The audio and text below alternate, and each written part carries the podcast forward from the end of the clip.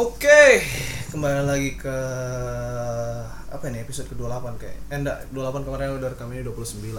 Dan aku kembali lagi ngundang temanku karena kita mau ngebahas tentang apa demo yang dilakukan sama lebih tepatnya sama mahasiswa hampir seluruh di Jabodetabek untuk pada tanggal 24 kemarin.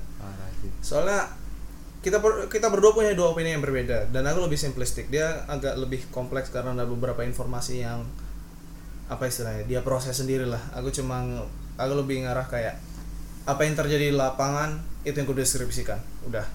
Jadi setidaknya aku lebih ngarah kayak berusaha mewakili kalau kalau ada kericuhan ad- eh, kemungkinan bahwa yang melakukan bukan kita itu aja yang pengen kutarakan kemarin kalau untuk dari dia masih nggak ngerti kayak sudut pandangmu gimana nanti jadi kemarin kayak Ya ini eh, kan sebenarnya idealnya ya Ah. di dunia ideal in a perfect world kan ada yang namanya aparatus hukum dan Ah. lain sebagainya kan Eh, jujur aja eh, kalau secara gitu emang kalau udah ada kayak gitu emang nggak setuju dengan kita caranya harus memerangi orang-orang Ah. lain kan yaitu eh, demo lah Hmm. apalah dan itu kan ada potensi besar untuk nanti uh, mahasiswanya atau dari aparat polisi nanti ada yang sakit dan lain sebagainya in a perfect world Ya. tapi kan kita nggak nggak hidup nih di dunia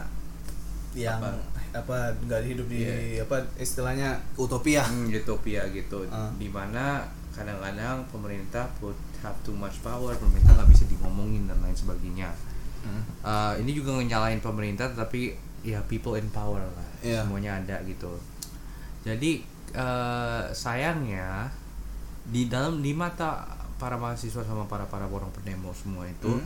itu nggak ada nggak bisa diapa-apain dan to a certain extent Hmm. ya di mereka juga benar pemerintah kayak kalau kita omongin gini gini gini nggak ada responsif nggak Iya. responsif dan lain sebagainya Hmm. jadi yang jadi ada pertanyaan besar yang saya tanya diri saya dari dulu sampai sekarang Hmm. bukan cuma ibu saya juga diri orang-orang lain kita diskusi dan lain-lain pemerintah itu jatuhnya untuk melayani kita rakyat atau kita rakyat melayani pemerintah Hmm. gitu loh.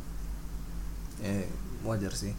Juga kan ah nah ini yang penasaran. Kan kalau untuk versiku ber- eh, kayak berusaha untuk apa ya buka ya lebih mau dibilang kayak mana itu justifikasi lah. Kayak demonya mulai mulai apa berlangsung lebih lama cuma karena dari pernyataan apa pernyataan adik kelasku di lapangan sana apa eh, pas perwakilannya dipanggil masuk mereka cuma pengen penuhin status quo. Jadi kayak mereka masuk tapi nggak ketemu siapa-siapa. Kayak masuk ke hotel sama sa- cuma sampai resepsionis doang. Hmm. nggak ketemu manajer hotelnya sama sekali kayak gitu. Kalau dari take mu gimana?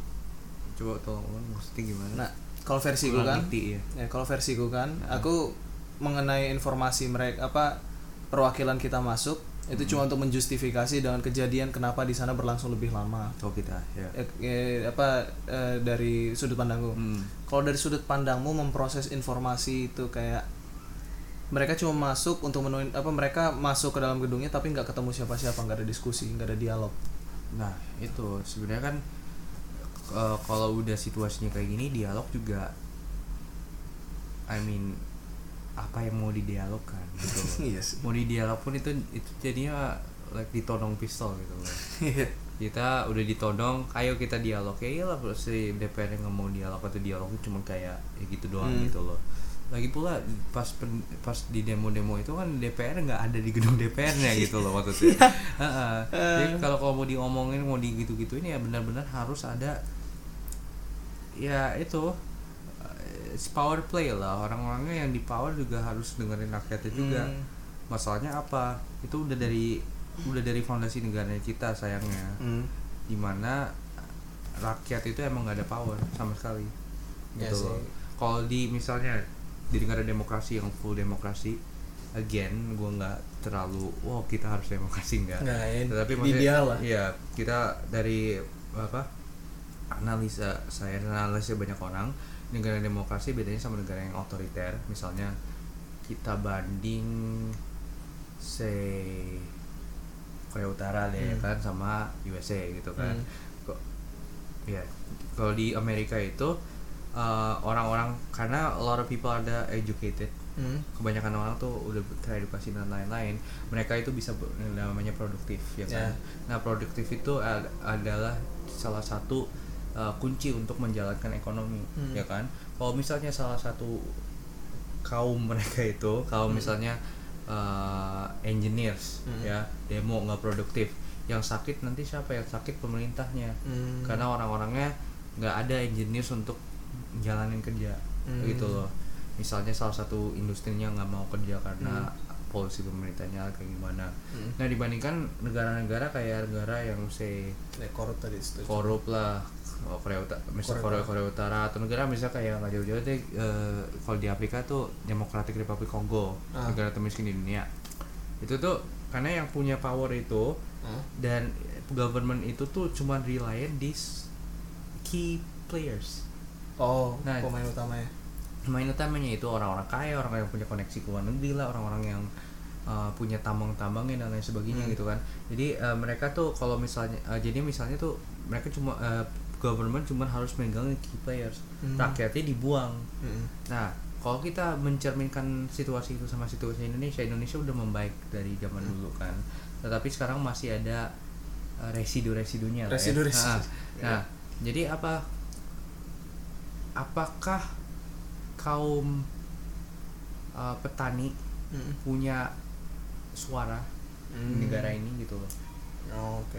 di mana kita kerjanya impor makanan terus ayo kayak gitu loh maksud Iya. saya maksudnya ya, itu cuma gambaran aja ya nggak Hmm. selalu beneran oh petani sekarang tersiksa enggak Enggak. tapi uh, gambaran aja gitu Hmm. loh nah jadi karena itu power playnya kayak gitu kadang-kadang takutnya apa kalau kita mendemo-demo gitu emang iya nggak ada tujuan ah, nggak ada bukan tujuan nggak ada Hasil atau cara lain lagi Cara lain gitu ya. kenapa bu- kenapa jatuhnya demo karena kenapa jatuhnya mereka langsung harus kita bahasa kasar nge-siege DPR Iya. kita Nyerbu DPR. nyerbu DPR kayak gitu bukannya bukannya kita mau nyerbu atau apa tapi kita nggak ada choice lagi kalau Hmm. kita nggak nyerbu misalnya kita nggak nyerbu ini dan lain-lain anak-anak itu nggak nyerbu eh, nggak ada ak- aksi dari mana-mana Hmm. pada akhirnya apa mereka yang punya power just hold their power ini orang mau, Iya. mau kelaparan ya nggak peduli Kelaparan gitu aja. kelaparan aja gitu loh Iya sih. nah makanya in the perfect world itu nggak usah kita Hmm. pikirin itu kita cuma bisa diskusi sama nanti dipertimbangkan Iya. sama pemerintah gitu loh Nah, tapi sayangnya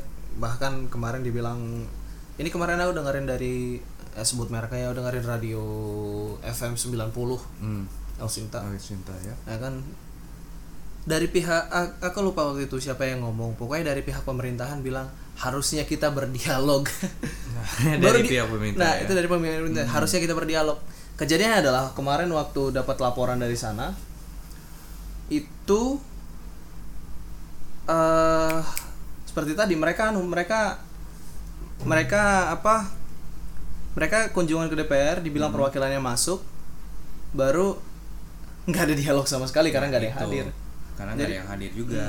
Nah dialog juga nggak itu jadi dari dua sisi menurut saya approach-nya emang udah salah. Hmm. dalam satu sisi ke kalau permintaannya kayak yang kayak gitu Hmm. let's just say kayak gitu mereka mau di situ sampai harus diserang segala. Nggak mau ngomong nggak mau apa nggak mau apa. Kepentingan kepentingan mereka sendiri. Hah? memperwakilkan rakyat apa juga ya kan? Iya. Dan rakyat rakyat eh, apa rakyat jin mungkin ya. Rakyat jin. Eh, tapi ya ya kayak gitulah ya. Nah dalam sisi satunya lagi eh, mahasiswanya juga caranya aneh. Demo sih demo tetapi ya orang gedung DPR-nya kosong gitu loh. Iya nggak ada konfirmasi. nggak ada konfirmasi dan representatifnya I mean representatifnya bisa aja tukang sapu. Iya. DPR bisa jadi representatif gitu loh. I mean pastinya nggak gitu ya tapi Ah. bisa aja gitu loh kan ya kan. Jadi emang kayak dialognya nggak apa namanya nggak itu nggak Nggak- nggak berlangsung, nggak langsung nggak langsung nggak lancar nggak itu jadi ya kadang-kadang kalau saya pribadi mikir kok kok ada yang aneh ini nih ya kan Iya. Ya, tapi nggak tahu lah Nah, baru di sisi lain juga kalau aku bilang aksi baik 24 atau yang 30 Mm-mm. itu loose base, bukan baseless. Loose base itu jadi kayak nah ada basisnya lasa- ya. basisnya kendor. Kendor, Soalnya ah. gini, aku coba browsing kayak apa aja yang bermasalah sebenarnya dengan RUU RUU ini. KUHP udah jelas, bahkan di Tribunus ditaruh. uh, aku udah bikin video tentang itu kayak ada sekitar 20 27 pasal atau 14 aku lupa Hmm. yang pasti di Tribunus didaftarin pasal-pasalnya kayak kebebasan orang ditentuin dit- kasarnya kebebasan orang ditentukan oleh seekor ayam atau apa atau eh, hubungan hubungan tempat tidur diatur dalam pemerintahan ya kayak gitulah itu Hmm. itu memang ngaco RUU KPK draftnya ada Hmm. itu ada nah mulai minerba ke atas draftnya nggak nemuin online Iya. Nah, kalau kenapa aku bilang itu loose based? Karena perihal yang mau dikaji aja nggak semuanya muncul di internet. Juga kan Iya. renca- Kok- maksud tuh gimana? Kok Kayak- kok bisa nggak muncul semua di internet? Iya, Eh, udah menggerakkan sebanyak itu orang gitu iya ya udah kan? bergerak banyak kayak gitu, oke. udah banyak bergerak kayak gitu, tapi beberapa kajian pun apa ya, beberapa bahan yang akan dikaji pun nggak semuanya ada. Jadi Hmm. kajian sisanya dari mana? Kalau yang KPK ya dikaji mungkin Ah. beberapa sama beberapa divisi sama BEM. Be- KUHP juga beberapa dikaji. Juga memang KUHP juga ngawur sih. Nggak jatuhnya gimana ya? Kebanyakan anak juga kebanyakan orang-orang yang demo juga gitu, Hmm. mahasiswa dan lain-lain. Hmm. Itu tuh juga nggak ngerti mereka tuh Iya ngituin apa gitu loh. Mayoritas eh beberapa mayoritas sih, saya 50-50 lah ya 50-50 kan. ya. Ada emang yang ke sana dalam kepentingan oh ya kita harus Hmm. mengingatkan pemerintah dan lain Iya. sebagainya. Tapi ada juga yang, woi rusuh aja yo gitu loh. Iya. Nah, Ayo pesta. kayak pesta lah ya kayak gitu lah jadi emang gimana ya masa kita harus jadi komunitas jadi society yang berdasarkan revolusi ya capek lah revolusi mulu-mulu Iya. gitu loh gitu jadi Hmm. Mending pendekatan rasional aja sih. ya nah Sayang. kayak sayangnya yang tadi gue bilang pendekatan rasional juga nggak tentu nggak diakses nggak diberikan akses. gitu Iya. diakses kan itu kan Ah. nggak tentu ada dialognya dan lain-lain gitu loh jadi pada akhirnya kan politik kan pada akhirnya itu kepentingan eh, kalau di Indonesia ya kepentingan masing-masing orangnya bukan Hmm. rakyatnya bukan kepentingan grupnya tetapi orangnya sendiri Iya sih. dan itu bu, juga ditranslasikan di Amerika juga sama lah nggak ada yang wah kita apa berantem apa kita berjuang untuk rakyat tuh bohong lah itu semua ya. Eh, mau merdeka misalnya merdeka ya yang pimpinan-pimpinan yang merdeka tapi gue jadi presiden dong gitu kan. Maksudnya istilahnya kayak gitu. Ah. jadi ya udahlah nggak ada yang kayak gitu-gitu. Tapi nah nah kedengarannya kita ngomong kayak gini kayak nggak ada nggak ngasih solusi kan. Iya. Eh, tapi maksudnya kan cuman apa membuat orang aware gitu kan Hmm. masalahnya kayak gini. Karena jujur aja solusi sekarang juga tahu gitu ya kan tahu solusinya bahkan kalau misalnya kita seperti pernyataan lu sendiri bahkan kalau misalnya kita pakai pendekatan laissez faire kayak ngapain berga ngapain nungguin negara mulai aksi apa mulai aksi dari diri sendiri aja kita Hmm. bakal fucked over juga akhirnya kan ya iya saya kayak gitu karena kan kalau dalam ya gue kan fakultasnya ekonomi ya Iya. gue pelajarinya ekonomi Hmm. dalam ekonomi yang ideal free market Free model market, ya kan ya. Itu tuh semuanya digerakkan sama demand sama supply-nya orang-orang gitu Hmm. di mana orang mendemand sesuatu misalnya saya oh sekarang lagi ngetren baju kotak-kotak misalnya Hmm. ya udah eh, market itu tuh market atau pasar itu semuanya langsung wah ngetren baju kotak-kotak semuanya jual baju kotak-kotak dan Hmm. jadi dia mensuplaikan Hmm. atau juga bisa dalam kebalikannya eh, karena banyak supply-nya Hmm. jadi demand-nya ada Hmm. misalnya eh, kuning baju kuning Hmm. nggak ngetren nih baju kuning tapi ada di ada supply-nya banyak banget baju kuning nah itu jadi demand gitu-gitu kan nah di ekonomi ideal kayak gitu dan untuk barang-barang yang niche barang-barang yang, Oh, yang ciri khas langka gitu. gitu. ya kan kayak gini lah ya gas. kayak masker lah kayak ya Apa? kayak gitu misalnya kayak masker gitu-gitu itu tuh dihitung supply demand dalam penghargaan jadi Hmm. niche nggak banyak yang mau Hmm. harganya lebih mahal gitu kan Hmm. Nah itu akan membawa kalau misalnya kayak gitu di society yang kayak gitu in the perfect Adam Smith Eh, world ya, eh, itu bakal orang-orangnya, we call it ya, eh, orang-orangnya bakal kayak society will be dictated by the market gitu loh. Hmm. Jadi kalau misalnya orangnya nggak mau ini semuanya dikasih lewat market semuanya gitu jadi ya Hmm. government hands off banget nih Hmm. gitu loh government cuman eh, kalau in ya like in a free capitalist country cuman eh, itunya untuk meregulasikan supaya nggak ada yang bisa memonopolikan sesuatu segmen market gitu loh Hmm. nah salahnya apa kita itu sok-sok mau regulasi-regulasi tetapi pada akhirnya regulasi itu tuh membenefit orang-orang yang mau memonopolikan segmen segmen masing-masing. masing-masing gitu jadi ya yeah, it's it's really confusing gitu loh Hmm. what do you want you want a free society you want a Folk, apa eh, ekonomi terpusat ekonomi terpusat mau apa nggak jelas juga jelas. gitu loh pada akhirnya iya jatuhnya kepentingan masing-masing orang-orang di pemerintahan orang-orang Hmm. begitu gitu loh Hmm.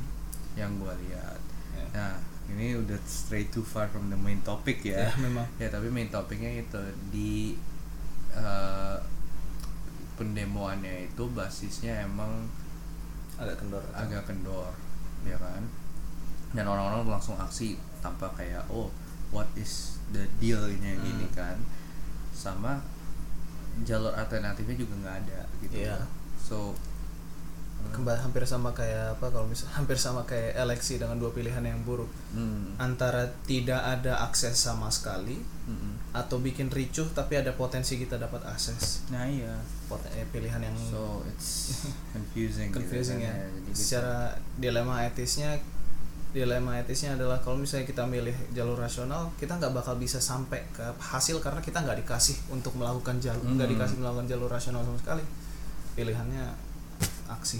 Aksi ya. Ya gitu itu yang terhadap aksinya gitu. Hmm. so ya. Tapi kalau misalnya untuk dari kayak aftermathnya gimana? Aftermathnya. Nah kalau baca berita aftermathnya itu apa ya kalau menurut menurut gue sih agak agak something's up gitu loh. Hmm. bukan apa karena ini tiba-tiba diem presiden ya kan? Hmm. Oh tiba-tiba presiden langsung bilang oh jangan eh, apa jangan RKUHP Hmm. eh, sama KPK juga Hmm. tiba-tiba dia anti tentang kayak gitu gitu ya Hmm. kan tetapi at what cost Hmm. ada berapa anak sekarang udah mati hitung Eh, kalau ngitung Jabodetabek doang ditambah doang lah eh Hmm. kalau nggak salah satu empat empat Hmm. satu karena emang kesehatannya nggak bagus Hmm. yang kena gas air mata emang jantungnya tiba-tiba itu bukan karena gas air matanya Hmm. Eh, satu nggak diberitakan habis itu ada dua lagi di mana gitu Hmm. Nah, Ouch. udah kayak gitu kan masalahnya gini kenapa nggak dari tadi kalau ke, apa kenapa nggak dari tadi udah dihentikan udah diakses kan gitu loh Hmm. kenapa harus ada kita demo sampai kita sakit-sakitan sampai kita berdarah-darahan Hmm. sampai ada yang mati sampai ada yang kesak eh, ada yang kena gas air mata lah dan gitu-gitu baru pemerintah mau eh, digituin Baru ada aksinya Oh, gitu. baru ada aksinya Iya, itu ya juga agak bingung sih. Soalnya baru apa mayoritas update itu kan dari radio daripada TV ya. Mm-mm. Jadi aku nggak begitu masih one dimensional lah. hmm. Jadi aku nggak begitu tahu kayak yang kejadian-kejadian lainnya Hmm. semacam itu. Jadi aku nggak bisa mengasumsikan apa yang terjadi habis ini. Tapi costnya tinggi juga. Cost emang lumayan tinggi dan kalau juga di luar berita ya Hmm. di luar berita misal di uh, pasar modal Hmm. harganya jadi nggak stabil Hmm. coba kita cek sekarang ya IHSG berapa ya Hmm. IHSG Indonesia hari ini Itu gara-gara kemarin doang. nggak uh, bukan cuma gara-gara pasti banyak faktor ya, ya Hmm. tapi pasti nggak stabil ya kan kemarin kira dua minggu lalu ya Hmm. gue cek IHSG itu enam ribu delapan ratusan ya kalau nggak salah Hmm. sekarang enam ribu pas turun Hmm. dan 800 sampai kosong tuh gede gitu loh ya Iya. kan nah ini jadi berarti bukan cuma secara sosial bukan cuma secara kemanusiaannya tetapi ekonomi juga kena Hmm. gitu loh the cost is really high gitu loh kenapa nggak sigap loh Hmm. ini kan nggak bener ya udah kita Iya. ituin gitu loh nah masalahnya gitu Iya sih. ya basisnya kalau dalam itunya iya basisnya nggak ada tetapi ya costnya ditinggiin gitu loh Hmm. makanya emang susah sih satu negara kan orang banyak kepentingannya banyak beda-beda Hmm. ya tetapi at least kalau we work together nggak paling nggak kan bisa gitu Mm. loh sayang orang nggak banyak yang mau work together ya kan Iya. Mm. susah banget dia jaga kerjasama baru juga sebenarnya sempat kepikiran baru juga kita sempat lapar, dapat dari laporan Bandung hasil apa kejadian yang sama terjadi Hmm. juga kan dari apa dari teman kita shout out to you Lenggis ah, oh, mohon maaf kau jadi korban di sana.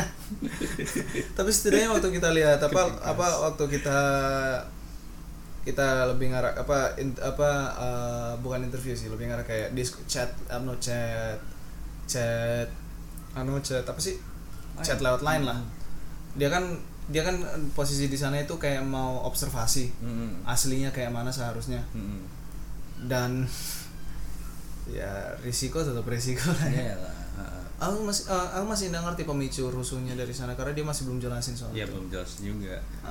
Setidaknya memang apa ya hasilnya bukan hasilnya bukan mendapatkan diskusi yang logis atau teriak apa seti- setidaknya kayak teriakan tuntutan tapi malah kembali lagi dengan kerusuhan Lagi pula demo kan intinya duduk-duduk sampai ada yang rusuh. Untuk versi Indonesia Versi Indonesia ya. Duduk-duduk sampai ada yang rusuh. gitu loh. Karena Ah. kita beli-beli doang nggak pertama juga nggak bakal didengerin Iya gitu kan. sih.